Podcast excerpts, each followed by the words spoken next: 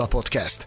Az autósport és formula magazin műsora. Hírek, vélemények, minden, ami F1 és autósport. Óriási örömmel tölt el, hogy bejelenthetem, Becserkéztük a világ egyik leghíresebb rockénekesét, az ACDC frontemberét Brian Johnson-t, hogy faggassuk legfőbb szenvedélyéről, az autóversenyzésről. Üdvözlünk minden Forma 1 szurkolót, a Formula Podcast második évadának ötödik adását hallhatjátok. Köszöntöm kollégáimat Gellérfi Gergőt és Mészáros Sándort. Hello, sziasztok! Hello, hello! Engem Betlen Tamásnak hívnak és olyan élményt ígérhetek, amelyhez fogható csak ritkán adatik meg a Forma 1-es rajongóknak. Azt hiszem, hogy már rengeteg híres vendégünk akadt, akik általában autóversenyzéssel foglalkoznak, de most egy olyan új területre tévedtünk, vagy lehet, hogy nem is tévedtünk, hanem direkt léptünk, amely egy, egy új kategóriát nyit meg számunkra, és egy globális világsztár tudunk megszólaltatni talán nem is nagyon kell senkinek bemutatni azt az embert, akivel egy interjút fogunk közölni. A neve Brian Johnson és az ACDC frontembereként szolgál. Szolgálja a népet és a világot, és Sanyi volt az a nagyszerű ember, nagyszerű kolléga, nagyszerű riporter, akinek sikerült becserkésznie. Mi volt az indítatás, hogyan sikerült megoldani a Csepecsem hétköznapi feladatot? Megpróbálom di- dióhéjban összefoglalni ezt nagyon hosszú sztorit. Nekem ez gyerekkori vágyam volt. Én, én kisgyerekkoromtól kezdve nagy rajongója vagyok a zenekarnak és Brian Johnsonnak. A később biztosan szót ejtünk még erről. E, amikor, amikor újságírónak álltam, és elkezdtem a pályafutásomat, az egyik feltett szándékom az volt, hogy, hogy ezt az urat egy napon becserkészem, ha akármi történik is. Hosszú-hosszú évek óta nagyon sokat tettem annak érdekében, hogy, hogy minden lehetőséget megpróbáljak azért, hogy, hogy ez a lehetőség összejöjjön. E, nagyon sokszor ütköztem falakban, nagyon sokszor találtam zárt ajtókra, nagyon sokszor kaptam elutasítást. E, az égvilágon mindent megpróbáltam tényleg azért, hogy ez összejöjjön. És ugye a zenekar hosszú idő után új albummal jelentkezett 2020-ban, én pedig tudván ezt hát már egy éve benne volt a levegőben, hogy jön ez az album. Az utóbbi egy évben különösen sok erőfeszítést tettem annak érdekében, hogy hát ha most a, az új album megjelenése kapcsán egy kicsit, egy kicsit lazábbak lesznek a, a, a feltételek, és sikerül megteremteni a, a feltételeit annak, hogy ez az interjú összejön. Addig-addig lomotoltam, addig-addig csöszbetöltem, míg végül ö, felcsillant az esély arra, hogy, hogy ez sikerülhet. Többször is el lett tolva, tehát több kitűzött dátum volt arra, hogy ez, ez mikor történhet meg ez az interjú, és a végén, decemberben, karácsony előtt nem sokkal, hát végül, végül sikerült összehozni, kalandos körülmények között. Én azt szerettem volna mindenképpen, hogy valamilyen modernebb technológiai platformon beszélgessünk egymással, de de azt az iránymutatást kaptam, hogy Brian nem, nem hajlandó csak, csak telefonon beszélgetnek. Azt megkérdeztem, hogy de akkor az hogy fog megtörténni. Mondták, hogy legyek nyugodtan, majd, majd, majd fog hívni. Ezen jót rögtem magam, azonnal hívtam a Gergőt, és mondtam neki, hogy hát képzeld el, hogy azt mondja a menedzser, hogy a Brian Johnson hívni fog telefonon. Konkrétan Ezen a ponton, bocs, hadd szóljak közben, volt egy ilyen pillanat, amikor ez, ez az esemény zajlott, hogy Sanyi küldött nekem egy screenshotot, azt mondja, nézd meg a hívás listámat, és akkor úgy nézett ki, hogy Gergő, Tamás, Brian Johnson, Gergő. Na, ez azért világbajnok.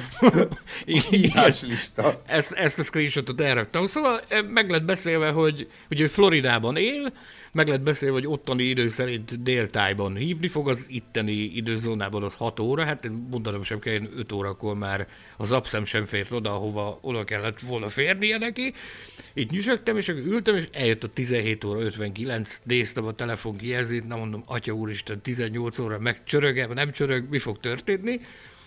És akkor váltott az óra, 18.00, még mindig semmi. Na, akkor már kezdtem lelombozódni, na ebből nem lesz semmi, és akkor 18 óra 01-kor megjelent egy szárászotai telefonszám Floridából, fölvettem, és mintha százezer éve ismertük volna egymást, bemutatkozott, hogy hello, Brian vagyok, a Sándort keresem, e, elkezdtünk beszélgetni mindenféle dolgokról, majd utána, utána belecsaptunk a lecsóba, és elkezdtük a, az interjú felvételét. Hát életre szóló élmény volt, én nem, nekem, nekem érzelmileg is nagyon sokat jelentett. Ezt mondtam is neki egyébként, hogy, hogy próbálom úgy csinálni, hogy ebből ne érződjön semmi, de, de nekem ez érzelmi szempontból is nagyon sokat jelent, és hát hihetetlenül jó fej volt.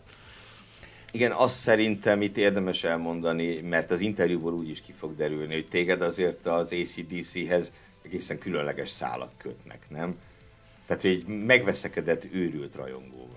Kisgyerekkoromtól kezdve, de úgy terveztük, hogy majd a, később, az adás későbbi részében fogunk erről beszélni. Igen, nálam öt és fél éves korom óta tart a, az őrület. Tehát az életem első zenei élménye volt, majd azt is el fogom mesélni, hogy milyen körülmények között találtam szembe magam a zenekarral. Engem azzal riogatott, hogy a lakodalmamon beöltözik Brian Johnson, és úgy fog barátkozni a sátorban. Ez elmaradt, de remélem, hogy ami késik, az nem búj. De álljunk már meg egy szóra, szóval min fel kell tennem azt a álnaív kérdést, hogy mi nem egy zenei műsor vagyunk, mit keres itt Brian Johnson a, a Formula Podcastban? Na igen, ez egy olyan, olyan storyline, amit elfelejtettünk fölvázolni, de hát én nem is tudom, hogy kell-e ecsetelni, vagy nem kell ecsetelni. Aki szereti az autósportot, vagy a, az autózást, a, az autóversenyek világát, szerintem biztosan találkozott már azzal a nem anyagolható tényel, hogy, hogy mint ahogy én megveszekedett ACDC rajongó vagyok, Brian Johnson pedig megveszekedett automotorsport rajongó, sőt versenyző is, tehát az interjúban beszél is erről, hogy, hogy milyen kategóriában, történelmi autók kategóriájában versenyez rendszeresen, de indult már Daytonában, indult már a Millemilyen, és számos egyéb más Hát mondhatjuk úgy, hogy a, az egyik természetes felbukkanási helye a, az autóversenypálya, nem véletlen az sem, hogy a, az ACDC fennállása során a Brian Johnson korszakban nagyon sokszor lépett már föl versenypályákon. Van is egy emberünk, aki járt már egy versenypályán ACDC koncert miatt, itt a, a podcast tábjában. Te magad, Tamás, te magad voltál Spielbergben, ahol ahol a versenypálya környékén volt a, volt a koncert, de világhírű koncertet, máig emlékezetes koncertet adtak például Doningtonban és nem csak egyszer, hanem számos alkalommal. Szóval Brian Johnson egy óriási autósportrajongó, autórajongó, automániás, és hát ha szabad így fogalmaznom, hogyha megengedik nekem a hallgatóink, akkor mondhatom azt, hogy közülünk való ilyen tekintetben. Ugyanaz a vér csörgedezik az erejében, mint a, mint a miénkben. Ez, ezzel a certvéggel kapcsolatban most mondom el, mert később elfelejtem, hogy ugye a pálya melletti hatalmas szabad placon rendezték a, a, a koncertet százezer emberrel 2015-ben, és az a nagyszerű élményért, hogy egy azon hétvégén, egy azon helyszínen láthattam az ECDC-t, majd másnap a Swift Cup Europe versenyét a, a, a Red Bull ringen, szóval... Bur- Brian Johnson és a legendás Burkus Egon találkozása. Jó, e, jó, ha már te hoztad szóba, elmondom azt is, hogy, hogy ugye nem lehetett autóval behajtani közel a koncert helyszínéhez, sőt, csak nagyon messzire lehetett volna megállni, és én szereztem egy igazolást Burkos Egontól, hogy én megyek a, a Swift Cup Európra, és hogy ott van a szállásom a pálya mellett, a koncert helyszín mellett, és, és így nagyon-nagyon közel tudtunk parkolni. Mondjuk ez aztán a koncert végén egy kicsit visszaütött, mert ugye így viszont mi hagyhattuk el leges-leges legutoljára a helyszínt, és valami hajnali négyre sikerült hazaérnünk egy, egy 80 kilométerre levő szállásra, de hát ez semmit nem volt le a, az élményből, amit, amit ott kaptam, és és, és Egon érdemeiből sem. Nem. E- Egon és, érdemeiből sem. És ilyen sokáig a Cup Europe. Ahogy mondod. A, nekem egy másik dolog jutott eszembe, nem mintha a Swift kupa nem lenne, nagyon érdekes. De ugye az, hogy Brian Johnson, ahogy említetted, Sanyi, igen, bizonyos értelemben közülünk való, mint, mint, mint motorsport megszállott. És hogy azért nincs ő ezzel egyedül a, a hírességek, nem a, nem a sztárok mondjuk így között. Ugye jó Celebek, néhány, mondjad. Nem, nem, nem. Nem, nem celebek, bocsánat. Itt nem, Brian nem Johnson mögött, Jó, ki kérem tudom. Brian Johnson nevében, mögött a teljesítmény is van, kérem. Tudom, tudom. De, de szóval ő egy olyan, olyan iskolának a képviselője, aminek, aminek mondjuk az egyik legnagyobb alakja volt ugye Steve McQueen, a, a filmcsillag, aki szintén hát motorsport őrült volt, és versenyzett is. A, ugye Le indult el, akkor, akkor itt említhetjük azt a Michael Fassbendert, aki ugye 2020-ban az ELMS-ben, Európai Le Mans sorozatban majdnem teljes szezont futott, egy hiány az összes versenyen részt vett, és, és hamarosan szeretne Le Mansban is intulni. Brian Johnson versenyzői karrierjéről majd esik szó az interjúban is, de hát ahogy azt említette, Tamás, vagy nem is tudom melyik őtök említett, hogy ő Daytonában is versenyzett többek között a 24 óráson, tehát neki is azért ezen a téren is bőven volt mit a, a köcsökfára akasztani, ahogy azt itt felénk mondják. Bár látom, itt nagy szemekkel néztek felétek, ezt nem mondják? Nem nagyon. Ö, nem. nem baj. És, és azt hiszem, hogy Patrick Dempsey az, aki, me, aki mellett még nem mehetünk el szó nélkül, ö, aki ugye a Grace klinikában megcsábító doktorként tett szert világhírre, hogy aztán ezt a világhírt Le Mansban és hasonló versenypályák mellett kamatoztassa előbb, mint versenyző, aztán mint csapatfőnök.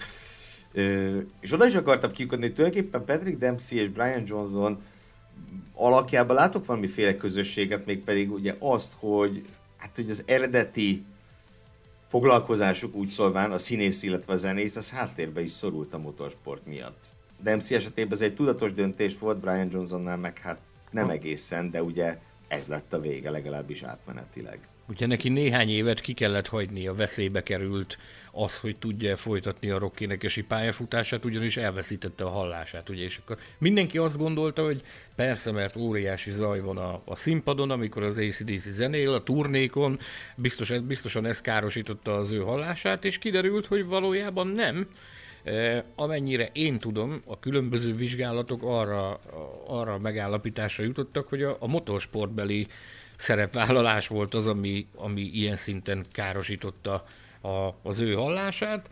Gyakorlatilag azt mondta, ez nem publikus interjún kívül mondta, hogy gyakorlatilag teljesen kopsü, kopsüketre sikerült ezt összehozni, és gyakorlatilag úgy tűnt, hogy, hogy vége mindennek. Tehát vége a, a zenész pályafutásnak, az énekesi pályafutásnak, vége a versenyzői pályafutásnak, vége mindennek. És ott fordult meg a történet, ugye akkoriban ö, el is volt tűnve. Ott akkor fordult meg a történet, amikor, amikor jelentkezett nála egy, orv, egy orvoscsoport, hogy ők találtak valamilyen megoldást erre a, erre a specifikus problémára, ami neki van, és különböző műtéteket hajtottak, rajta, vég, hajtottak végre rajta, meg, meg Isten tudja még, hogy milyen kezelésekben részesült. A lényeg az, hogy visszanyerte a hallását, úgyhogy visszakaptuk őt nem csak a, nem csak a versenyzés világában, mert ugye azt feltett szándéka továbbra is folytatni, hanem, hanem visszakaptuk őt az ACDC-ben is, az új albumon a Power Up című, egyébként szerintem szenzációs és fantasztikus kiadvány fantasztikus nagy lemezen újra ő énekel, és hát ugye autós műsorokat is csinált, meg csinál a mai napig is. Amik, eh, hát azt gondolom, hogy, azt gondolom, hogy nem is akármilyen színvonalat képviselnek azok az autós műsorok, úgyhogy Istennek hála, eh, meg az orvostudománynak hála, ezt a problémát ezt tudták korrigálni, és visszakaptuk Brian Johnson-t. Bizonyos értelemben kész csoda, hogy ez a bizonyos új lemez el tudott készülni, mert hát Ugye amikor az ő hallás problémái felléptek, akkor az ACDC történetét ismerők jól tudják, hogy hát nem ő volt az egyetlen, akit a zenekar elveszített. Tehát ott fenyegetett a veszélye annak, hogy az ACDC története az, az úgy szép véget ér, és aztán nézd meg, itt van 2021-ben a, a frissen megjelent ACDC lemezről beszélgetünk. Én, ki, én kimerem jelenteni, hogy 2020-ban az egyik legjobb dolog, ami a világgal történt, az az, hogy megjelent az új, az új album. Aki szereti... A másik a Formula Podcast megvalósulás. Igen, ott, ott sunnyogunk, maradjunk annyiba, de aki még nem tette meg, mindenképpen hallgassa meg a Power Up című albumot ha szereti az ACDC-t, ha nem. Mi mindhárman ö, nagyon melegen ajánljuk, hogy, hogy tessék szíves lenni, hallgatni, mert, mert, mert szenzációs. Én azt gondolom, hogy a, az elmúlt 20-30 évben torony magas a legjobb ACDC album, ami készült. Ugye ez egy, a, a, az, egy, az elhunyt ritmusgitáros emlékére készült. Malcolm Young, ö, erről beszél is majd az interjúban Brian Johnson, Arról ugyan nem beszél, de, de ezt tudjuk, hogy, hogy olyan témákat használtak fel, olyan riffeket használtak fel, amiket annak idején még Malcolm Young ö, szerzett, és ő írt meg. Hát én azt gondolom, hogy az éreztetés a hatását az albumon egész egyszerűen frenetikus. E, bocsánat, de nekem még van egy kedvenc hírességem, és szóba szeretném mindenképpen hozni, aki, akinek köze van az autóversenyzéshez, és ebben a műsorban meg kell említeni, ez Mr. Bean, aki ugye azért elég sokszor megjelenik Form 1-es futamokon, főként a McLaren boxa körül, és ő maga is birtokolt egy, egy hiper vagy akkor még csak úgy hívták, hogy Superkárt, a, a McLaren F1 névre hallgató tényleg legendás autót, amit, eh, amit azt hiszem, hogy hogy vagy 8 millió angol fontért adott aztán miután össze is törte. Szóval nem csak a, nem csak a, a filmeken törizúzza az autóit, meg, a, meg az ellenfelei autóit, hanem a saját, sajátját is megtörte, illetve nagyon hasonló hírek érkeznek már, mint nem autótörésileg, hanem, hanem az autósportok meg az autók szeretete szempontjából Tom Cruise-ról őt ti ajánlottátok a, a figyelmembe, hogy, hogy ő sem veti meg a sebességet és a versenypályák világát. Nem is tudom, hogy mintha szerepelt volna valami autóversenyzős filmben, de ez most, most csak egy feldobott labda. Mint a villám. Igen, mint a villám. Days Thunder. Thunder. Bizony. Kitűnő, kitűnő NASCAR-os film hogyha eljön az a pillanat, hogy megcsináljuk azt a régi vágyadat, Tamás, hogy a top 10 autóversenyes film listáját összerakjuk, én nagyon fogok kardoskodni emellett a film mellett. Maga minden kis bárgyúságával együtt én imádom, fantasztikus jó film. És hát Form 1 autót is vezetett már Tom Cruise, ha jól emlékszem, ugye Sándorom? Igen, én nekem is így rémlik, viszont Rowan Atkinsonról konkrétan tudom mondani, tehát, hogy vele többször találkoztunk már a világ különböző versenypályáin. Legutóbb, amikor, amikor összefutottunk vele, Szóval emlékeim nem csal, az a 2019-es Magyar Nagydíj volt. Itt volt a, itt volt a Hungaroringen. És Jaj, hát emlékszem. Itt is újfent bizonyította azt, a, azt a, amit a legendáriumból, meg az urbánus legendákból már hallottunk, hogy annyira nem barátságos ember nem tartozik a, nem tartozik a barátságos emberek közé. A Mercedes környékén egerészett, és szerettük volna, volna megszólaltatni őt, hogy, hogy akkor egy kicsit, egy kicsit beszéljen nekünk arról, hogy hogy érzi magát Magyarországon, mit gondol a versenyszezonról, hát ez ilyen általános dolgokat, meg amit ki lehet hozni egy ilyen szituból. És akkor vadáztunk rá, Barna kollégával, meg Újvári Mátéval, az MD Sport uh, riporterével, és akkor jött, amikor megállítottuk, akkor, akkor nagyon illedelmes és kedves volt, mondta, hogy nagyon szépen köszönöm a megkeresést, nem.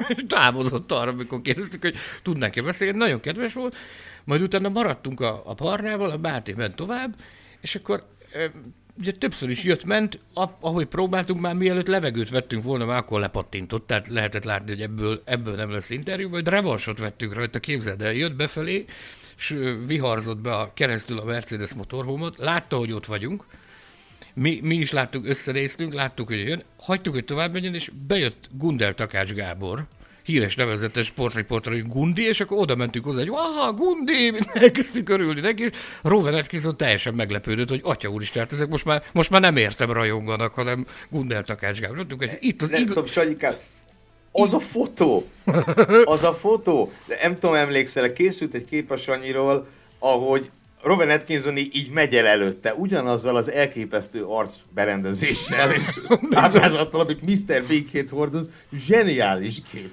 Bizonyos revansot vettünk rajta, jött, akkor várt, hogy na, akkor most ezek biztos megint megszólítanak, és abban a pillanatban mentünk, hogy Gundi, Gundi! Mindenkinek mosolyt csaltunk az arcára ezzel, hogy... hogy Egész Gundel... pontosan azt kiabáltad, hogy itt van az igazi Gundel Takács az Gábor. igazi eredeti Gundel Takács Gábor. Ott voltál te is akkor ezek szerint? Ott voltál? Per, akkor már igen, akkor már igen. Ennyi. Mielőtt átmegyünk Rowan Atkinson adásba, e, még fontosnak tartom azt is megjegyezni, hogy nem az első alkalom, hogy a, a formula koncern, nagyvállalat, nem tudom mi, milyen jelzőket tudok még alkalmazni, holding keretein belül. Konglomerátum. Megszól, konglomerátum. Holding. megszólal, megszólal Brian Johnson, természetesen egy kis trükkel, de 2013-ban az itt jelenlevő Gellérfi Gergő volt az, aki, akinek a neve alatt egy, egy interjú féleség ö, létrejött? Magyarázd már el.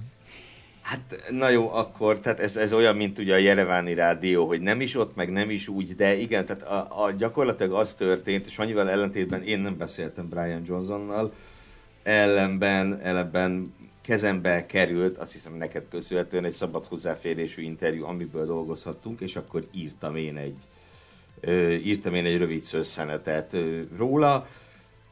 Hát igen, benne van nyilván néhány, néhány érdekes apróság, ugye a leg, legfontosabb ezek közül azt hiszem az, hogy a, egy 20, 28-as, talán vagy 29-es évjáratú Bentley versenyszemélygépjárművel járt bevásárolni akkoriban. Mai napig, a mai napig beszélt is róla. Teljesen elképesztő, egy majdnem száz éves Le Mans győztes autóval közlekedik a, a Lidl, az Aldi, vagy nem is tudom ott milyen, ö, milyen műintézmények felé. Hát igen, szóval volt benne pár apróság, de... Képzeld, amikor a Saraszotai Walmart parkolójában megjelenik az, az ugye Thundergard neve a, annak a bizonyos járműnek, amikor azzal a dübörgéssel ott megérkezik. Hát meg akkor néznek, hogy megint a Brian. Úristen. Na igen, szóval volt ilyen is, de hát ez legfeljebb lábjegyzetként szolgálhat ahhoz képest, amit most hallani fogunk. Már csak terjedelmét, mélységét és minden egyebét tekintve. Minőségét. El kell, hogy ismerjem, Ó, hogy, hogy ezzel teljesen egyetértek. Nincs más hátra, mint hogy meghallgassuk az interjú első részét, melyben sok mindent megtudhatunk arról, hogyan lett Brian Johnson az autódás és a versenyzés megszállottja, ezen kívül beszél a historik futamuk hangulatáról, és kiderül, hogy mit gondol a Hungaroringről.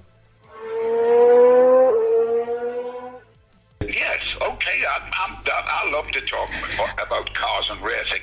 I wanted to, to start with a question about my country, Hungary, because... A mi országunkkal, Magyarországgal akartam kezdeni, hiszen jártál nálunk 1991-ben, amikor én még túlságosan fiatal voltam ahhoz, hogy jelen legyek a koncerten. 2009-ben ismét jöttetek, akkor már újságíróként dolgoztam, és az egyiptomi Fáraó rally miatt maradtam le a fellépésetekről. Milyen emlékeid vannak az országról? What kind of memories do you have about our country? Oh, I just remember the uh, the wonderful warm reception we, got, we always get there. You know, uh, quite uh, passionate uh, people. You know, and uh, who love that rock and roll Uh. Főképp arra emlékszem, hogy mennyire kedves és meleg fogadtatást kaptunk, amikor megérkeztünk. Hihetetlenül szenvedélyes emberekkel találkoztunk, akik imádják a rock and roll-t.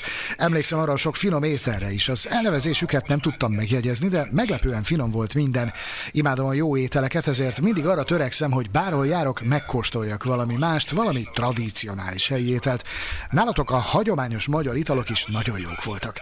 Azon például meglepődtem, hogy mennyire finom borok borok vannak Magyarországon. Megkóstoltam néhány helyi bort, sajnos a nevüket már elfelejtettem, mert elég régen volt. A lényeg nagyszerű volt ott tenni, gyönyörű hölgyeket is láttunk. A rajongók, az a szenvedély. Tudod, Sándor, amikor a színpadon dolgozol, néha nagyon is érzed az energiát, amikor kisétálsz, mintha belét töltődne. Engus és én egymás mellett készülünk arra, hogy kimenjünk, ő megy ki először, és azt szokta mondani, amikor meghallja a közönség hangját, hogy egyre izgatottabb, egyre élénkebb vagyok. Ez sokat segít nekünk, nagy feltöltődést ad. Olyan, mint egy verseny rajtja, amikor kialszanak a rajtlámpák, és az összes autó megindul az első kanyar felé, óriási zajjal, hihetetlen izgalmak közepette. Ezek azok a dolgok, amelyek visszahozzák az emlékeket, amelyeket országokhoz, emberekhez köthetünk. Ez fantasztikus, és nagyszerű volt ott is. And uh, shows that you did, you know. So it's, uh, it's it was wonderful. You know, we had a great time.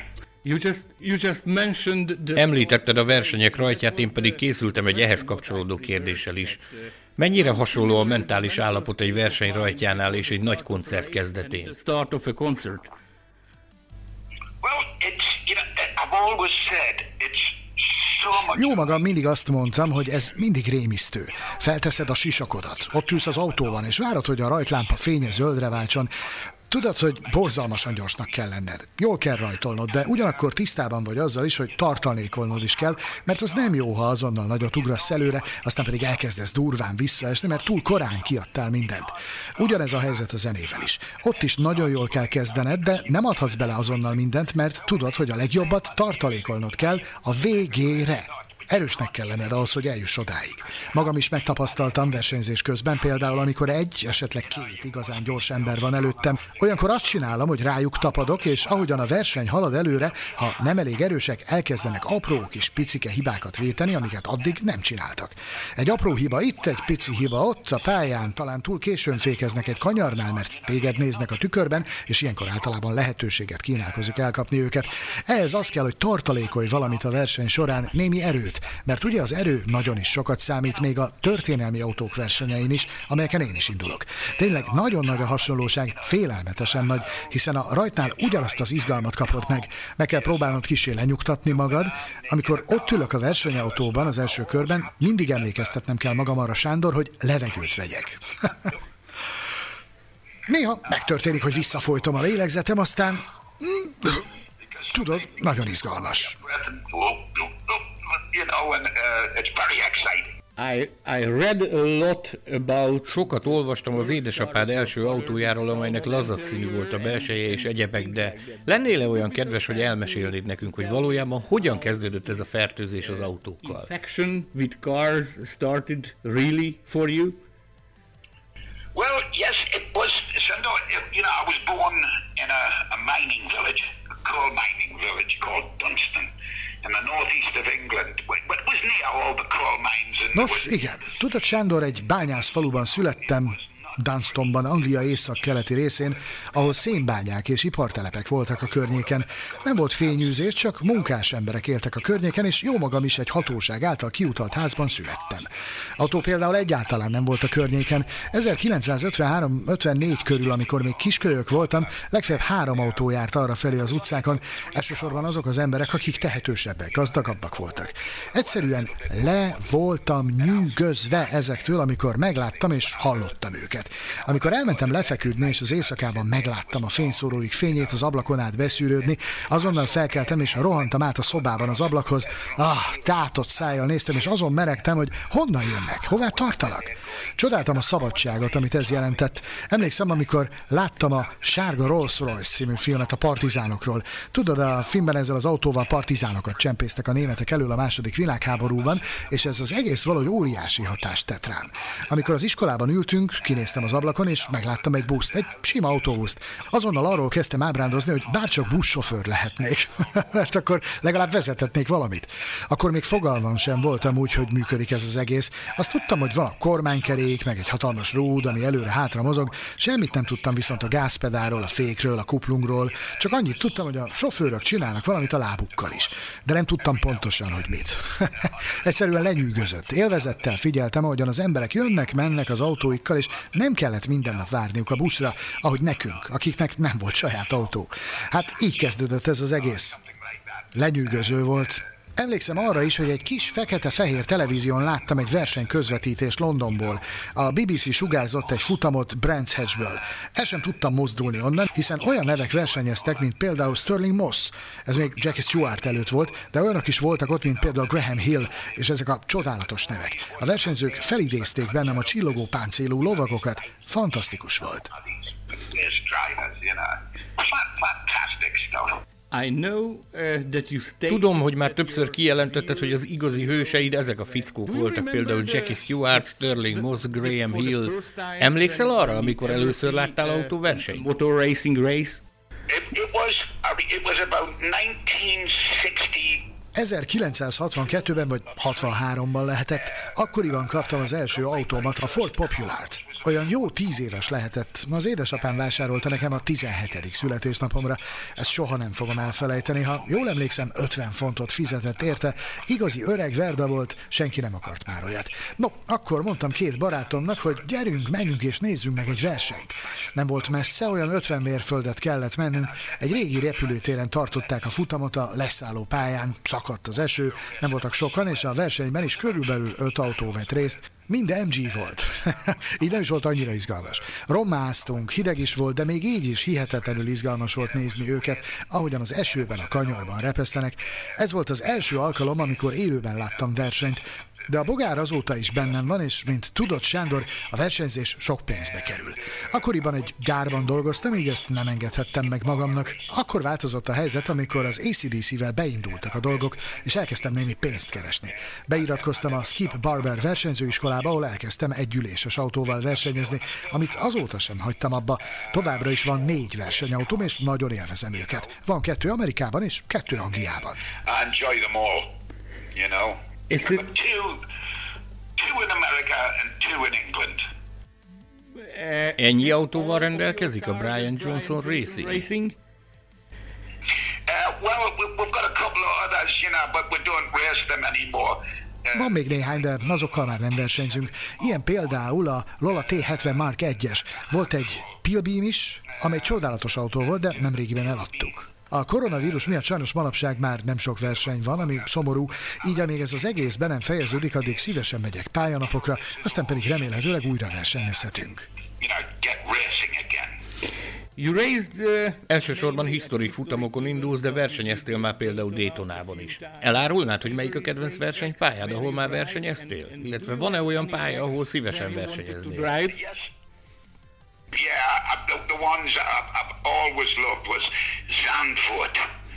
Igen, az, amelyeket mindig imádtam. A Zandvoort Hollandiában és a Spa Belgiumban. Természetesen ide tartozik a Le Mans is.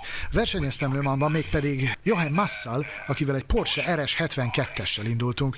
A klasszik Le Mans volt, nem a rendes, de így is mesés volt. Imádom Road Atlantát, Brands Hatchet és Donington is remek pálya. Imádom a Prenoát is amely Dijon mellett található, és korábban francia nagydíjat is rendeztek ott. Fantasztikus pálya. Sebringet is, ami hazai pálya számomra, hiszen csupán egy órányira található tőlem. Nagyon szeretem a Road Amerikát. Redkins Glen. Tudod, hogy van ez, Sándor? Imádom mindet. az egyetlen, amelyel kapcsolatban nem vagyok ebben biztos, az Silverstone. Túlságosan komplikált, borzalmas, pedig az egy prémium versenypálya Angliában, tudod? it's the premium racetrack in, uh, in, in England, you know. How do you Kedveled-e a Hungaroringet, a nyomvonalát? Biztos vagyok benne, hogy láttál már néhány Formula 1-es futamot innen. Oh.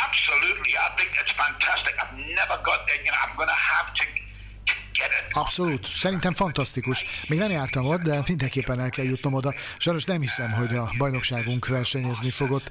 A Master Series-ről van szó, amely főképp Európában zajlik, és most már Amerikában is. A másik az HSR, amely Amerikában bonyolítja a versenyeit. Mindkét szerveződésben csodás karakterek, pilóták, autók vannak. Egyszerűen fantasztikus az egész. Amikor ott vagy a rajtrácson, az olyan, mint egy történelem lecke. Ott az a rengeteg csodás autó, és mindenki pokolian hajtja azokat.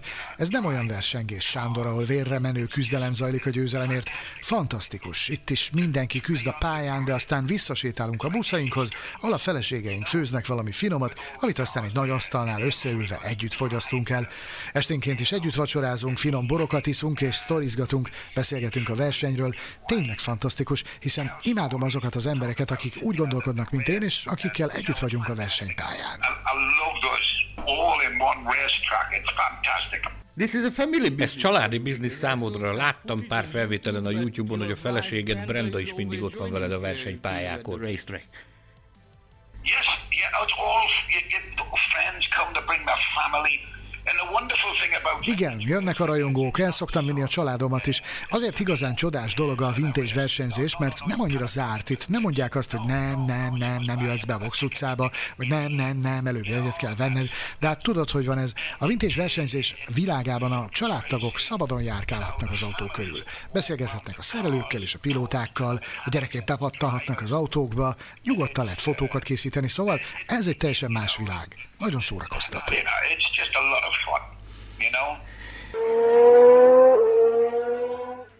Ugye egyelőre csak a beszélgetés felét hallhattuk, de én megmerném kockáztatni, hogy srácok, lehet, hogy nem volt soha még ilyen hosszú Brian Johnson interjú magyar nyelven? Kössünk erre fogadást? Messziről is jól látható összegben, vagy közelről is jól látható összegben szeretnék Közepes, közepes méretű összegben. Na, mi minden viccet félretéve tényleg ö, fantasztikus, fantasztikus, hogy ez összejött, és ahogy osztoztam az örömödben akkor, amikor ezt megcsináltad, úgy osztozom ö, most is benne. Úgyhogy, ha felidézed azokat a perceket, ami a, az interjú megtörténtét követően történt, hogy, hogy ahogy én főhívtalak, én, én megmondom őszintén, hogy én, én szó szerint ilyen eufórikus állapotban voltam. Tehát nagyon sok híres emberrel beszéltem már, nagyon sok uh, világhírű autóversenyzővel, világbajnokokkal, színészekkel, más sportolókkal, politikusokkal, uh, nagyon sokat, nagyon sokukkal közeli, jó baráti viszonyban is vagyok, de, de azt, hogy ez ennyire szíven fog ütni, ezt, ezt erre én nem voltam felkészülve, megmondom őszintén. Valószínűleg az is hozzá, hozzájárult, ezt ugye, ha végighallgatja az ember ezt a beszélgetést, akkor föltűnik, hogy hányszor a neveden szólít. Tudod, Sándor, így Sándor, úgy Sándor, amúgy Sándor.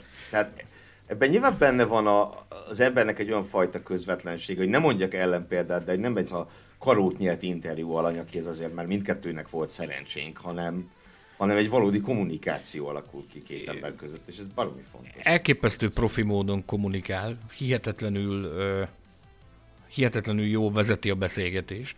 Ugyanakkor a profizmust az tökéletesen szemlélteti az is, tehát hogy, hogy teljesen felkészült abból, hogy én ki vagyok, mi vagyok, mit csinálok, tehát mielőtt elkezdtük az interjút, beszélgettünk egy, nem tudom, egy 10-15 percet arról, hogy én ki vagyok, mi vagyok, tudta mindent azt, hogy Magyarország, ez a magazin, forma egy más egyéb, teljesen képbe volt, pedig, pedig ő el is ismerte, hogy ő nem egy internetbubus, de azt mondta, hogy megkérte a menedzsert, hogy ő legyen olyan kedves, készítse fel azt arra, hogy ő, ő kivel fog beszélgetni.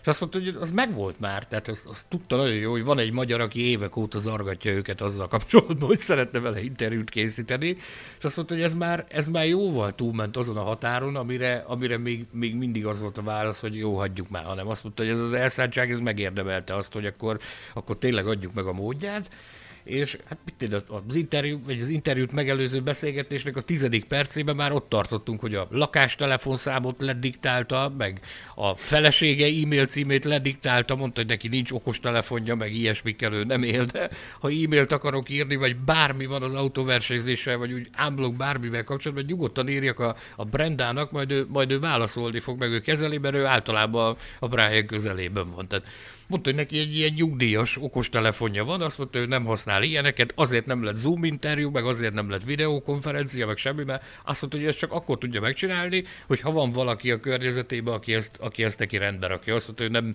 mérgezi magát. Azt mondta, hogy ő már öreg ehhez, hogy ilyenekkel foglalkozott. Neki a, ne, neki a, nem tudom, hogy kimondhatom-e azt a bizonyos almás telefonmárkát, neki az okos telefon az az, az alma. Meg fog, ő úgy mondja, hogy nincs almám arra a bizonyos, okostelefon, arra a bizonyos okostelefon márkára utalva neki, neki ez a szert elképesztő, mondom. Tehát. Hát ahogy az UTV a Benyó Miki, igen. az okostelefon az alma. Igen, igen. Szó volt arról, hogy, hogy kinek milyen élménye volt koncertélménye, nekem muszáj, hogy szó... Neked volt. Neked hát volt. Neked volt. De, de ne, nektek is volt, lehet, hogy csak nem mondd el, róla. Mondd el, Azt... és mi az összes keserűségünket a nyakunk, nyakadba fogjuk önteni ezzel Nem, nem, nem, ez, ez, ezt, ez szerintem nektek is megvolt. Létezik ugyanis Magyarországon ugye egy ABCD nevű zenekar. Nos, én őket még az igazi ACDC koncert előtt hallottam a, a Görömbői Forradbor Fesztivál nevű rendezvényen, és egyszerűen aki, aki esetleg nem ismeri őket, vagy élőben nem látja őket, teljesen elvarázsolnak. Szóval az az, az az erő, amit az ACDC képes produkálni a színpadon, még egy, még egy ilyen emlékzenekaron is képes átütni, és, és olyan, olyan olyan élményt okozni, ami, ami akár azt is maga után mondhatja, hogy onnantól kezdve az ember aztán már csak egy életcélt képes kitűzni maga elé, hogy jusson el egy, egy igazi, valódi ACDC koncertre. És bocsánat, még van egy mellékszál, ami egy kicsikét szomorú, hogy ezt az ABCD nevű zenekart egy Henzler István Hümér nevezetű volt kollégám alapította, aki sajnos már 2006 óta nincsen velünk. Még a Non-Stop Rádió nevű Miskolci rádiónál dolgoztunk együtt, ő azt hiszem technikus volt, és és ezért meg mindenkitől elnézést kérek, de, de akkor is bele, bele kell mondanom a mikrofonba, hogy a múlt héten még egy ilyen jó barátom, aki egy másik Miskolci zenekarban a kabinet RT-ben játszott, Bakoni Csaba, ő is most ment el, úgyhogy legyen nekik valamennyiüknek könnyű a föld, de, de azt hiszem, hogy itt az idő, hogy, hogy visszakanyarodjunk a valódi ACDC-re, és akkor Sanyit még... Én akkor, bocsánat, de az, az ABCD-re még, Igen? még visszautalnék, ha már itt szóba hoztad. Én rájuk határozottan emlékszem, arra nem, hogy hol. Én boldogult tínédzser korom végén és, és 20-as évem elején elég sok zenei fesztiválon megfordultam, és talán a Szegedi Ifjúsági Napokon volt, az is lehet, hogy nem, de emlékszem, hogy hirtelenkedtem egy ilyen ABCD koncerten, és, és nagyon elkapott a gépszíj meg minden, szóval szeretettel üdvözöljük őket, hogyha a zenekar tagjai hallják. Nagy, nagy tisztelet nekik, nagy tisztelet nekik, valóban az élményt azt, azt tudják, meg tudják adni. Nekem több ismerősöm is van, aki, aki azután kezdett érdeklődni az ACDC után, hogy elcsípte őket itt ott, ott. Egyébként van egy másik zenekar is, meg nagyon sok, tehát több ACDC tribute, tribute zenekar van Magyarországon, például a DC79, DC 79 Debrecenben. Ők, ők is ACDC tribute zenekar, de ők csak a Bon Scott korszaknak a, a, a nótáit nyomatják. Ugye utaltunk már az adás elején Bon Scottra. És itt... Pont róla jut eszembe, ugye itt az adástervbe írtál egy nagyon érdekes kifejezést. Uh, ugye azt írtad itt le nekünk, hogy Brian Johnson sokak szerint a világ legjobb kényszer megoldása. Igen, igen. Ugye, amikor ő úgy került a zenekarba, hogy egy Jordi nevű formációnak, egy, egy angol zenekarnak volt a, az énekese, és ő úgy került az ACDC-be, hogy, hogy Bon Scott, az eredeti, ne, ő sem az eredeti volt, mert az ACDC nem Bon Scott-tal indult, Bon Scott is úgy csatlakozott, de Bon Scott-tal vált nagy zenekarrá az ACDC, hogy amikor az a, az a, az a tragikus haláleset történt, amikor, amikor Bon Scott hát túlitta magát egy kicsit, és tudja Isten, mi történt vele az autónak a hátsó ülésén, de szegényt úgy találták elhunyva, elhalálozva, akkor ugye fölmerült a zenekarnál, hogy akkor hogyan tovább, kivel folytassák, folytassák-e. Végül nagyon hamar megszületett a döntés a Bon Scott családjának a javaslatára is, hogy igen, folytatni kell a, a zenekart, és nekiálltak énekest keresni, és behívták Brian Johnson-t egy ilyen, egy ilyen jam sessionre, ahol egy ilyen meghallgatásra. Tehát azt mondta, azt mondta egyszer, olvastam egy interjúban, itt, itt ebben az interjúban nyilván erről nem beszélgettünk, de ezt, ezt korábban olvastam, hogy hogy ő úgy ment oda, hogy hát neki ez túl nagy lesz ez a kabát, ez biztos nem fog működni, meg biztos nem őt választják. Azt mondja, oda ment, néhány számot elnyomtak együtt, meg egy, meg egy kicsit beszélgettek, és azt mondja, hogy mire hazaért, már akkor ott volt az értesítés, telefonon megérkezett, hogy akkor, akkor ő a bandának a következő énekese, és hát ugye az egy ekkora legendának, a nyomába lépni, mint amilyen, amilyen Bon Scott, az, az nem kis feladat. Ugye én mai napig értetlenkedve állok azelőtt, amikor ACDC rajongók ezen lamentálnak, hogy melyik volt a jobb korszak. Nálam nincs ilyen. Én nagyon szeretem a, a Bon Scott érás ACDC-t is, meg, meg rettenetesen szeretem a Brian Johnson eh, érás ACDC-t is. Én úgy gondolom, hogy mind a két korszakban a zenekar igazi bérföldköveket, meg csodálatos gyöngy albumokat adott a, a, a világnak de viszont őt, őt mai napig nagyon sokan úgy kezelik, hogy hát igen, ő egy szükségmegoldás volt, mert hát elveszítettek egy, elveszítettek egy, egy legendás énekest, és kellett helyére valaki. És ez felértékeli borzalmasan az ő teljesítményét, meg azt, hogy, hogy egy ekkora terhet a, a nyak, bevállalta azt, hogy egy ekkora terhet a nyakába vesz, és megcsinálta. Mert, mert, mert össze tudott forni az ACDC-vel, és össze tudott nőni az ACDC-vel, és én, én biztos vagyok benne, hogy nagyon sok embernek hiába van Angus Young, hiába volt Malcolm Young, aki ugye mm, el is mondja majd a, az interjú második részében Brian Johnson, hogy ő volt az ACDC lelke, de nagyon sok embernek Brian Johnson jelenti az ACDC-t, nem? Egyetértesz ezzel, Gergő? Teljes mértékben. És akkor nem Axel Rose jelenti az ACDC-t? Nem nagyon. Nem. Nem nagyon. Nem nagyon. Forhatunk. Ez, ezzel mindent el is mondtál. Anélkül, hogy leszólnánk Extra Rose-t, aki egyébként szintén egy fantasztikus rockénekes, meg a rockzenének egy... Csak egy másik zenekart egy, jelent. Igen, igen, igen, igen, igen. Kicsit tudathasadásos volt az az állapot, amikor... Én, én először, mikor ezt meghallottam, hogy ő beszáll, én megmondom őszintén, hogy én, ő is egy kényszer megoldás volt, meg valamilyen szinten jól lehozta a körülmények ellenére, ugye törött lábbal, meg a jó Isten tudja, hogy mi történt vele. E- amikor, amikor helyettesítette Brian johnson az ACDC-ben, de én nagyon sokáig vonakodtam attól, hogy megnyissam a YouTube-on, akár csak megnyissak a YouTube-on, akár csak egy videót is, ahol, ahol Axel Rose ének, ének, énekel ACDC nótákat. Vonakodtam ettől. Aztán persze, hát ez ilyen nagyon jó volt, ilyen, ilyen rockzenei all de az, az nem az én acdc volt.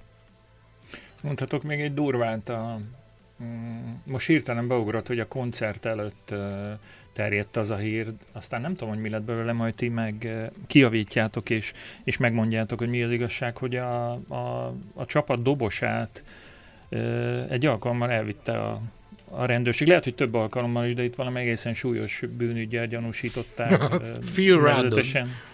Phil Ruddon, azzal, hogy volt ilyen. gyilkosságra való felbújtás volt a vád.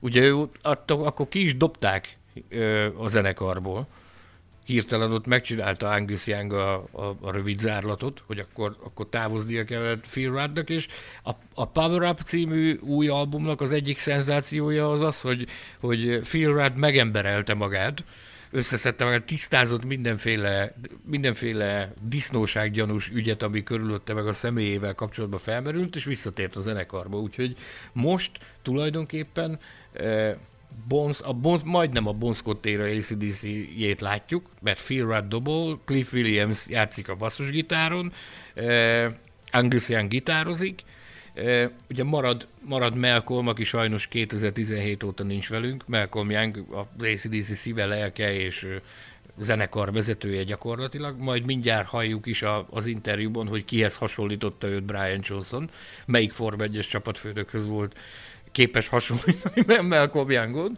e, és, és Stevie Young játszik az ő meg a Brian Johnson. Tehát ez már majdnem a, majdnem a, a, a klasszikus, majdnem a klasszikus felállás, de nem egy rossz felállás, sőt, nagyon is jó, és én, én kifejezetten örülök annak, hogy Rudd visszatért. Van egyfajta dinamikája annak a dobmunkának, amit ő nyom.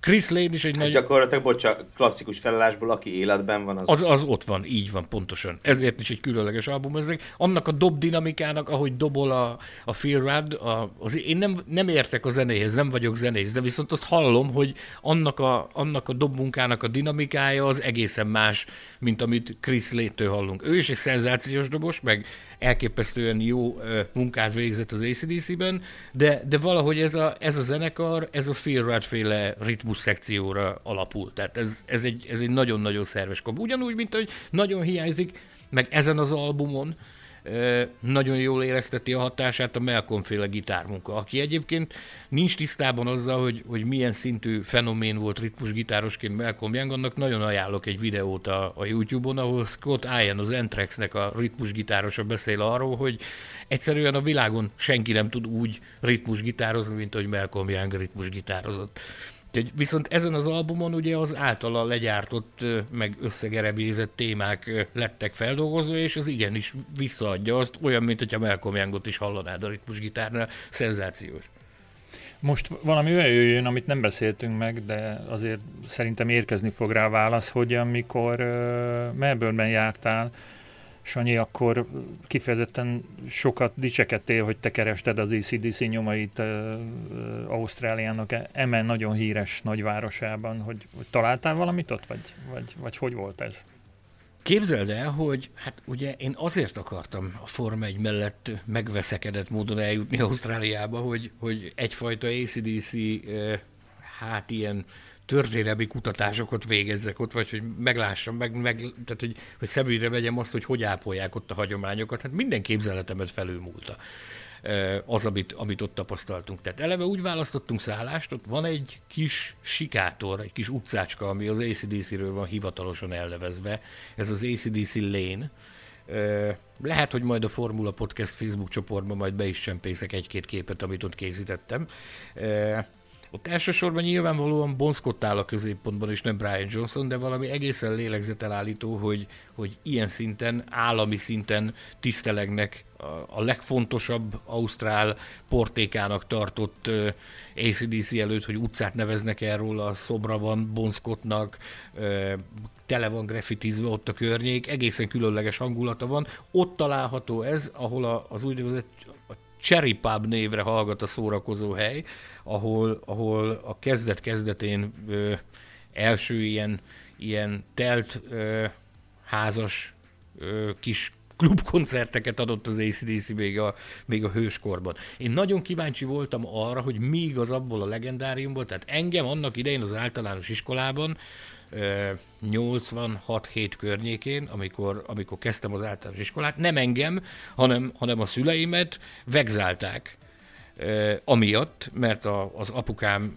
Jugoszláviából szerzett nekem egy ACDC feliratú pulcsit, és abba mentem iskolába, és hát ugye az, az abban a abban az ideológiában az nem volt üdvös, hogyha a gyereket elengedted ilyenbe, viszont nekem az apukám tudta, hogy én öt és fél éves koromban lettem ACDC rajongó, keresztapáméknál kivettem a, a hanglemez gyűjteményből egy, egy lemezt, és az ACDC albuma volt, a, a Power Age és, és azzal kezdődött az egész. Ő megmutatta, hogy micsoda, fölrakta a hanglemezt, és a, a hülye gyerek, az az én tehát tátott szája néztem, hogy te atya úristen, ez micsoda. Hát ez valami frenetikus, de visít a gitár, visított a bonszkot, ez, ez, ez, ez kész őrület, úgyhogy én ott, ott beleszerettem, ez, ez végig kísért az életemet, tehát az általános iskolán, amikor kezdtem, akkor javában az életemnek a része volt az ACDC, és mondom, engem vegzáltak emiatt, és kíváncsi voltam, hogy hogy ott igaz-e az a legenda, amit olvastam, hogy ott a tananyagnak a része. Az, hogy a történelem oktatásnak a része, az, hogy az ACDC az, az Ausztrál történelemnek egy nagyon fontos darabja, és képzeld el, hogy igaz. Eltöltöttünk ott hát több napon is visszamentünk oda, csak hogy tanulmányozzuk ott a, a közhangulatot az ACDC lénen, és láttam általános iskolai csoportokat, akiket az osztálykirándulás során odahoztak, az kötelező elem volt, és a, a tanárnéni, a tanárbácsi felvidult ábrázattal beszélt a, a, a Bon Scottról, a Malcolm Youngról, arról, hogy jelenleg a Brian Johnson az ACDC énekese, meg mindent, amit, ami érdekességet el lehetett mondani, azt ott elmondtak nekik, meg lehetett, volt Magnó a, a, a tanárnál, amivel tudott lejátszani, mert Isten tudja milyen eszköz, bluetoothos hangszóról van, megmutatták nekik, hogy milyen az eredet, ez az általános iskolai oktatásnak a, a része. Hihetetlen kurtusza van ott a zenekarnak. Nagyon-nagyon büszkék rájuk. Jó ezt látni, meg jó ezt tapasztalni. Rá ugorjunk-e az interjú második részére, de akkor még utána egy kicsit beszélgetünk, mert még maradtak bennem kérdések, vagy most tegyen föl azt a kérdést, amire kíváncsi vagyok, és addig gondolkodtok, amíg lemegy az interjú, nevezetesen... Tedd föl, és gondolkodunk, amíg az interjú. Oké, okay, a kérdés úgy szól, hogy kinek melyik a kedvenc dalaalbuma, és milyen élmény kötődik hozzá.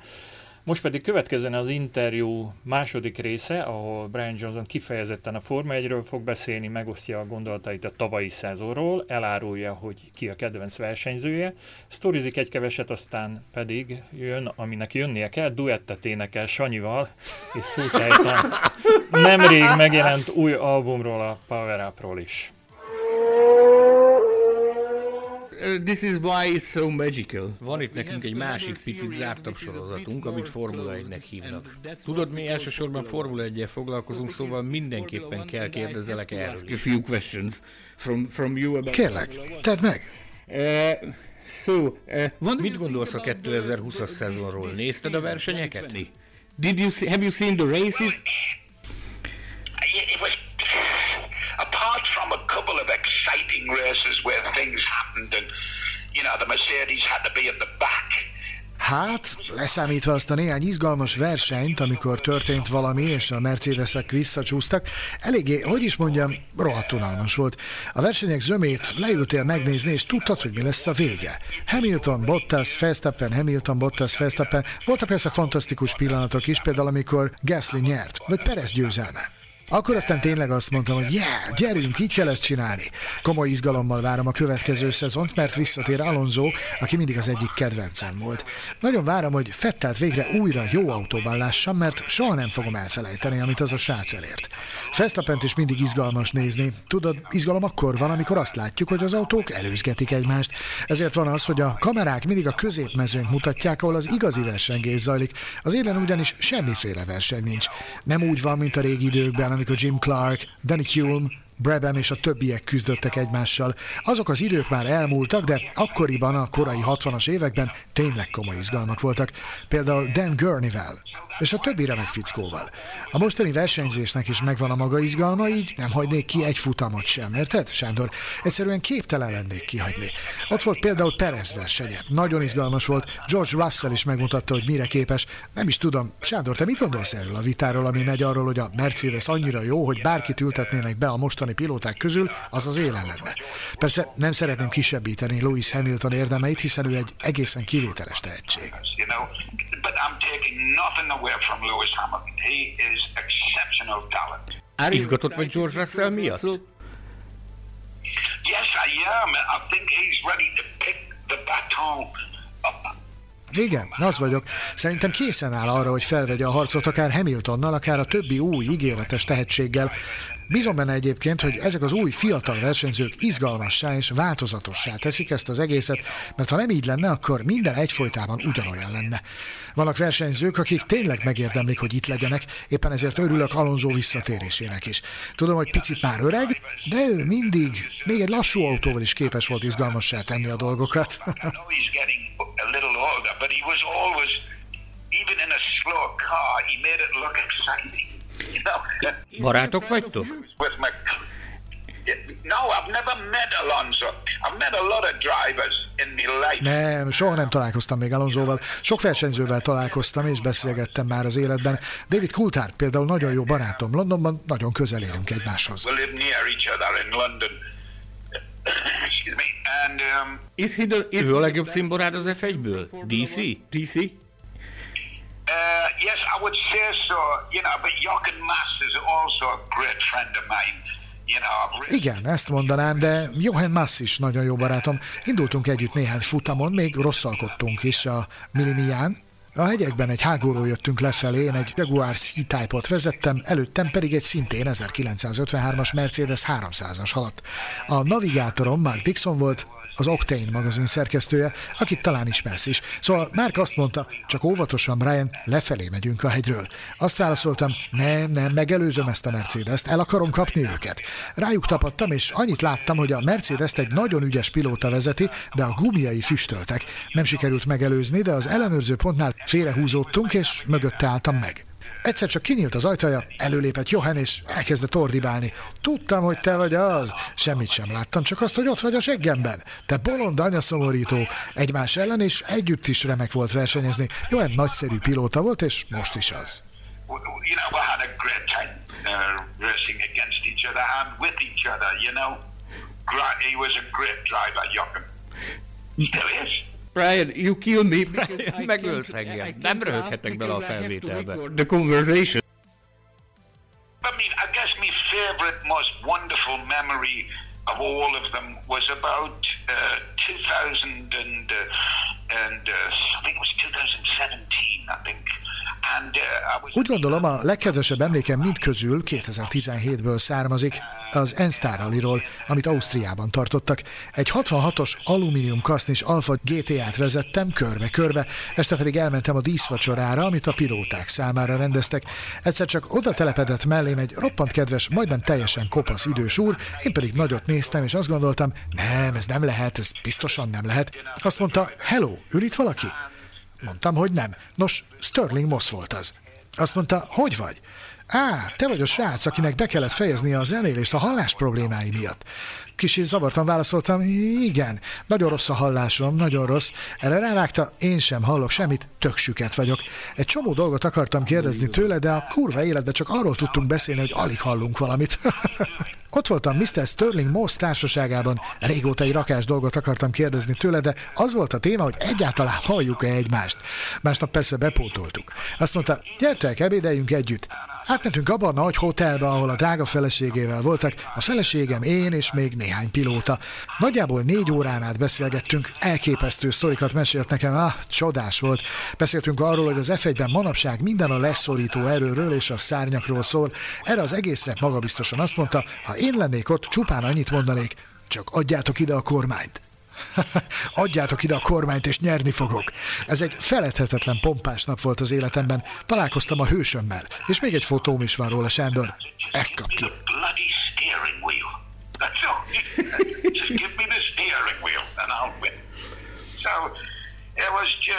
uh, it was just a wonderful day in my life to meet your hero. And I've got a photograph to prove it, Sando. Brian. Brian, uh, emlékszem, hogy tesztelted a tested egyik one of F1-es the autóját Goodwoodban, a F1 Festival of Speed-en. Festival of Speed. Uh? I, I, it's not necessary Nem szükséges mondani, hogy odáig voltál, mert láttam az arcodon, és érződött a nyilatkozatodon is. Your quotes, but uh, uh. Meg is voltam ám rémülve, Sándor. Valóban? Because the guy said, no, you can drive it up the hill. And I said, oh my God, I've never been up the hill. Which way does it go? Ah, just follow the road, it'll be fine. Mert a srác azt mondta, hogy mehetsz fel a dombra is. Mondtam, hogy Istenem, de hisz még sohasem volt a dombon. Egyáltalán melyik út vezet oda? Erre rávágta, á, csak kövesd az utat, minden rendben lesz. Csak öt baleset történt eddig ma reggel. Mondtam, mi? Tudod, ott vannak ezek a gyönyörű masinák, az emberek túlságosan izgalomba jönnek, és neki mennek a falnak. Rámadtak egy versenyruhát, ami nem is volt jó rám, egy sisakot, ami szintén nem volt jó rám, majd beültettek abba az autóba, amelyik megnyerte az F1-es világbajnokságot, az egyik Brabhambe. Egyszerűen csodálatos volt. Fészkelődtem egy picit, majd megkaptam a jelet, hogy go, indulhatok. De hirtelen azt sem tudtam, hogy mit csináljak, így elkezdtem integetni az embereknek. Hello, hogy vagytok? Örülök, hogy találkoztunk. Aztán elindultam, és szép lassan elkezdtem gyorsulni.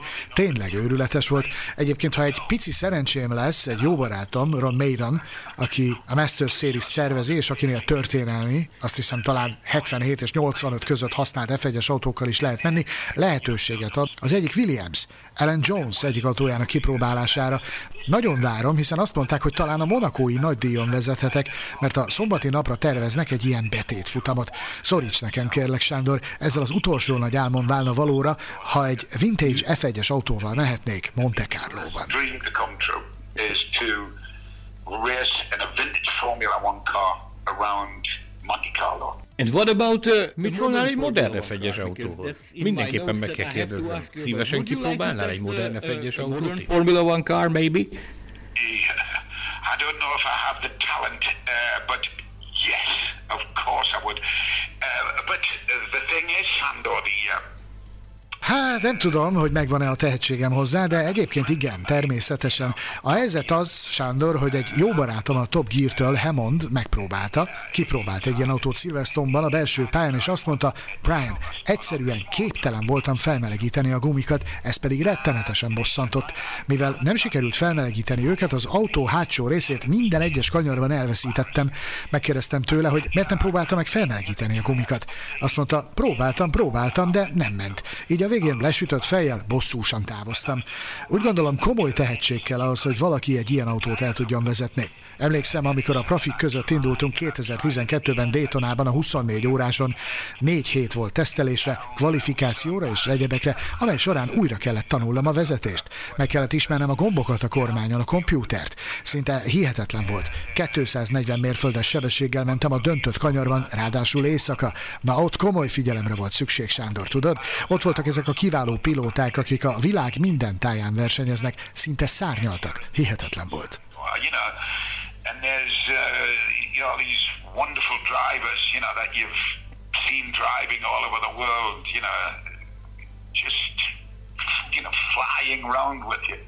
unbelievable. Brian, my colleagues will Brian, a kollégáim elvágják a torkomat, ha nem kérdezem meg. Amikor utcai autót vagy versenyautót vezetsz, előfordul néha, hogy valamelyik ACDC ritmus van a fejedben? ACDC rhythm in the back of your mind? Oh, absolutely. Sometimes you, you know, sometimes I just sing out loud. De abszolút. Néha-néha, még hangosan énekelek is, amikor az 1929-es 4,5 literes Bentley-met vezetem, ami Thunder God névre hallgat. Indításkor gyönyörű hangja van. Háromszor vagy négyszer vezetem egy héten. Egy szigeten élünk itt, Floridában, és a Bentley hangja alapján mindenki tudja, hogy Brian kint van az autójával. Ott ülök és nyomom. Thunder! Meg tudja ez a neve. Thunder God. And I just sit behind there, and every time I just go thunder. Ah, you know, I can't help it. It just because it's called Thunder Guts. Do you know, do you know Tudod, hogy a barátaim mit énekeltek a születésnapomon a Thunder helyett? Azt mondták, hogy Sándor, mint a my neve. name? Uh, Sando. Yes. there you go. They they sang. No. Wow, wow, wow. they sang. A születésnapomon így énekelték. Realize. Nem is tudtam, hogy ennyire híres vagy, Sándor. Ez brilliáns. Brian, a fantastic new Brian, album just, ez a uh, fantasztikus új album, a Power Up, nem it's régiben massive. jött ki, le a kalappal, lenyűgöző, nem is tudom abba hagyni a hallgatását. How was the work? And Thank you so much. You know, we. Nagyon szépen köszönöm. Már amikor elkezdtük, akkor is tudtuk, hogy ez Malcolmért van. Azért az emberért csináltuk, aki elindította a bandát. Azért az emberért, aki a vezetőnk volt. Ha azt mondom, hogy spirituális, az alatt azt értem, hogy a rock and roll vezetőnk volt. A lemez kiadó akármikor azzal hozakodott elő, hogy ne játszunk egyfolytában rock and rollt, mert haldoklik, mi egymás, ebbe soha nem ment bele. Soha nem is változott. Egyebek mellett azért is hiányzik rettenetesen. Mindannyian tudjuk, hogy elment, de amikor a stúdióban voltunk, ott volt velünk, ott volt mindenütt. A levegőben, az emberek agyában. Amikor én énekeltem, de Angus is azt mondta, hogy amikor gitározott, egyfolytában az járt a fejében, hogy ha, vajon Malcolmnak tetszene? Jézus, inkább megpróbálom még jobban. Ugyanígy voltam én is. Próbálkoztam, és ott motoszkált a fejemben, hogy vajon Malcolmnak tetszene ez a nóta. Malcolm százszázalékos erőbedobást várt el mindenkitől, mindenkor. Akár a stúdióról, akár a színpadról volt szó. Malcolmnál 99% nem létezett, ha csak nem volt beteg. Egyszerűen imádnivaló fickó volt, imádnivaló fickó volt, leszámítva az olyan helyzeteket, amikor valaki nem végezte el a munkáját. Azokat azonnal félrehívta, és mondta nekik, hogy hé, ezt ne csináld még egyszer. Legyen szó akár a stábról, a világosítókról, mindig mindent bevetett. Ha a Formula 1-ből kellene valakihez hasonlítanom, akkor ő lenne Toto Wolf.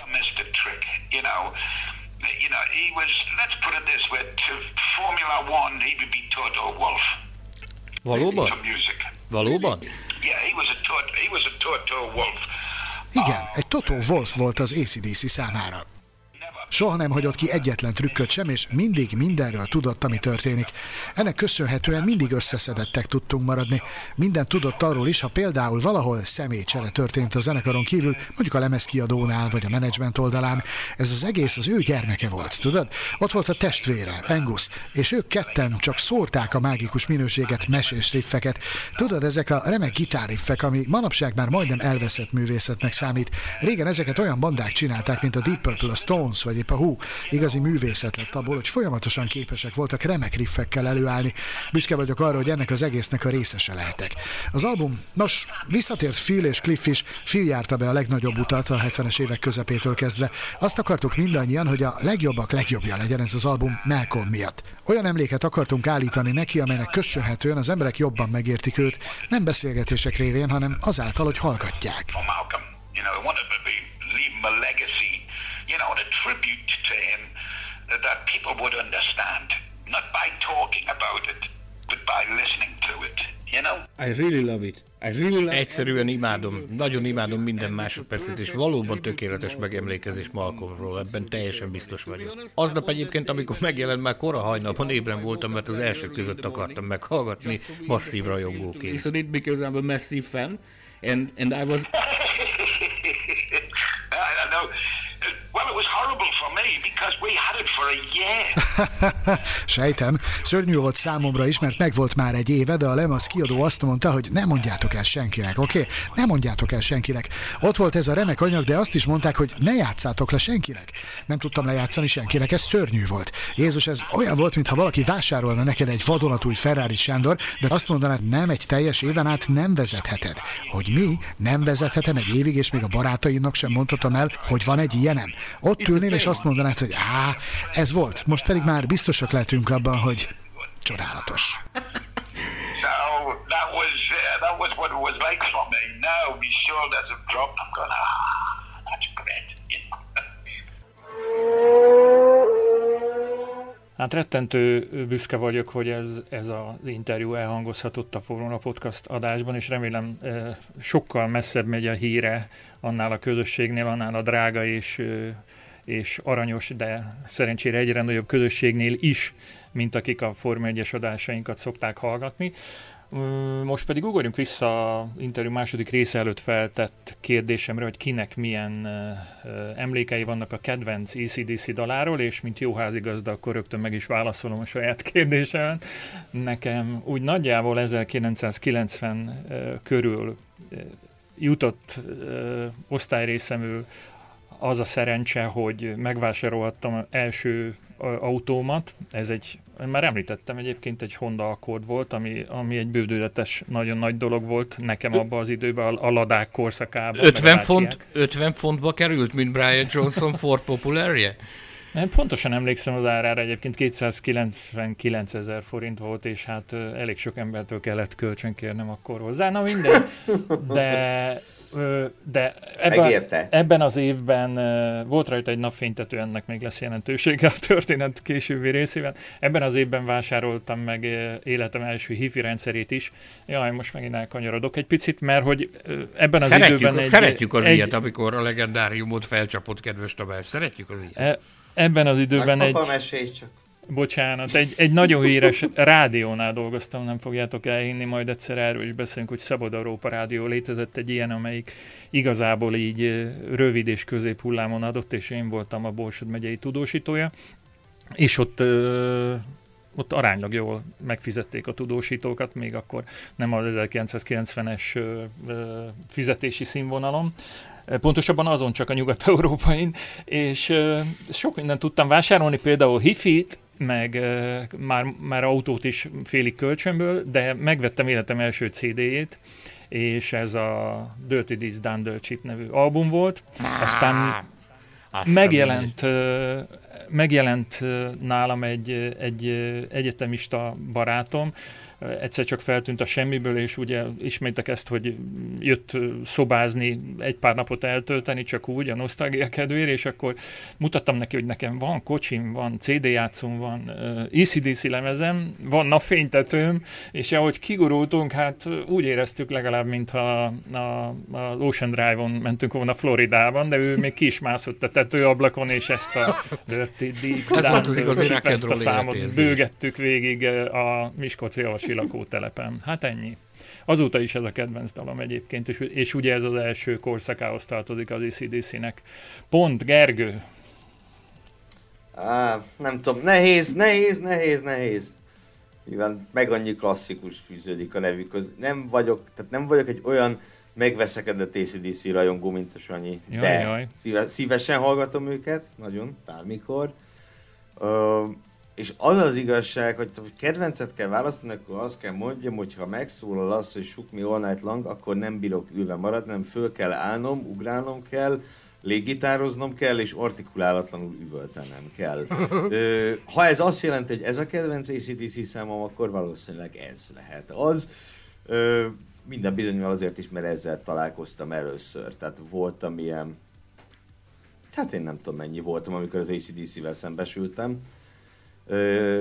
először, és nem tudom, ezt a számot hallottam, és azt mondtam, hogy jó, ez valami jó, ez nekem tetszik, ez nekem kell.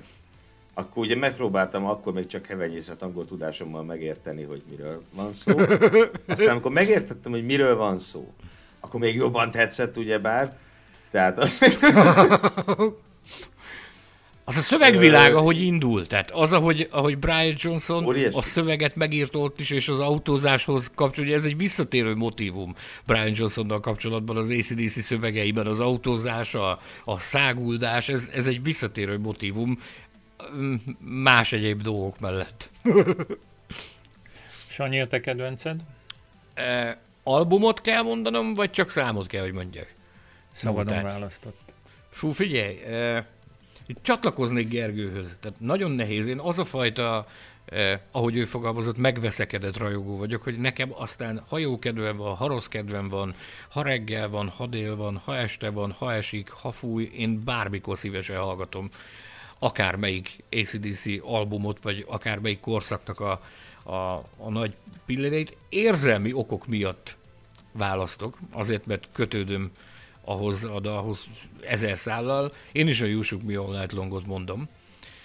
És hogy mivel indoklom ezt, tehát ez az a, az a dal, ami hát ez fenomenális, tehát nagyon nehéz más szóval leírni azt, hogy milyen, de, de amikor, amikor én megházasodtam, és zenekart választottunk, muszáj vagyok elmondani a nevüket, Tornyos is ibányok, az volt a, a zenekarunknak a neve, Torgyosról a Vajdaságból. Ezúton is... Várja, várja, e, ez, ez volt a vizsgadal? Tehát ezt kellett lejátszaniuk, hogy el tudják vállalni a rendezvényt? Figyelj, az az, hogy egy millió, egy millió zenekart meghallgatott, majd mondtam neki, hogy az, az egy millióból én körülbelül egy olyan, egy olyan 15-öt hajlamos vagyok meghallgatni, azokat mutassa meg, és ő egy, egy nagyon sokat ugye hallgatózott, meg, meg, meg megnézett nagyon sok videót, majd végül egyetlen egyet mutatott. A tornyos és iványokat, és mondtam, hogy na, akkor nekem ők kellenek. Ez tökéletes neki is, nekem is nagyon jó volt. Fölvette velük a kapcsolatot, mondták, hogy ők, ők aztán az égvilágon mindent tudnak játszani, és akkor volt egy, egy, egy kérdése a nejemnek, hogy de hát az, az, az nagy probléma lenne, hogy hát a, az én emberem az nagyon nagy észre rajong, hogy nem lehetne meglepni egy, egy dal. Mondták, semmi probléma, legyen nyugodtan, menni fog a történet. Ugye ment a lakodalom, és akkor nem tudom éppen mit csináltam, nagy buli volt, nagyon sokan táncoltatok, és akkor egyszer csak fölcsendült a Jusuk Mi All Night Long, és ott, ott hát elborultak az agyak abban a pillanatban, tehát elképesztő pogózás, meg parti hangulat alakult ki, ezt én nem tudom nekik még élek megköszönni.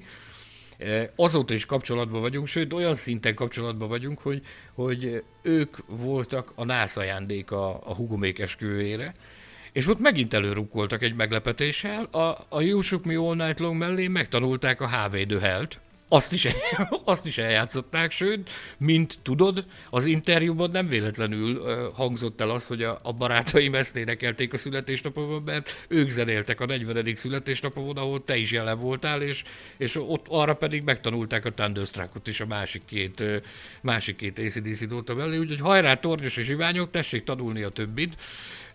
Még nehogy egyszer Brian Johnson is fölbukkanjon a mikrofon közelben állunk.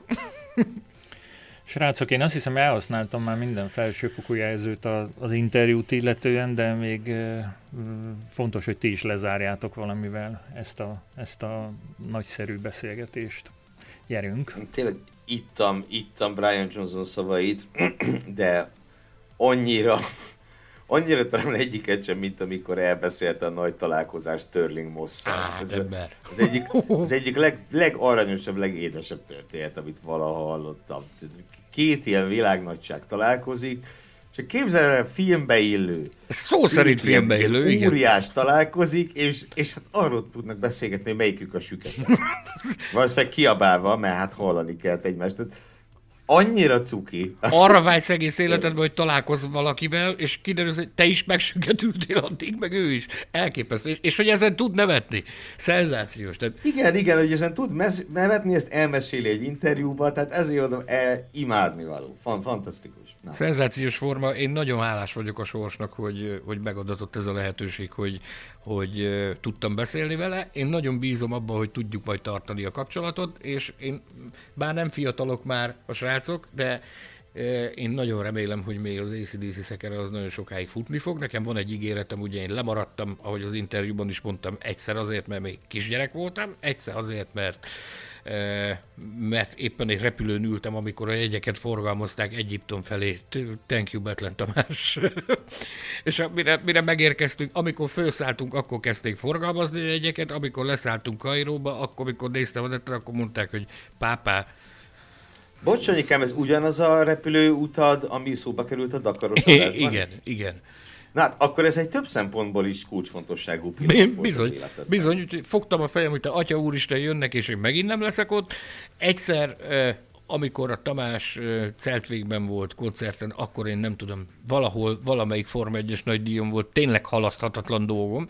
Tehát az volt talán az, amire azt mondtam, hogy ezt, ha akármi történik, és akkor sem tudom kihagyni. Úgyhogy a... a ke- most nekem most először Celtvégben nem a Forma 1-en voltak, hanem a Swift kupán. Oh. Igen. Hát. Azért Egon, Egon, Egon, tudja, hogy mi a tuti, látod, az ACDC-t hívta az Egon a, a Swift kupára. Tehát.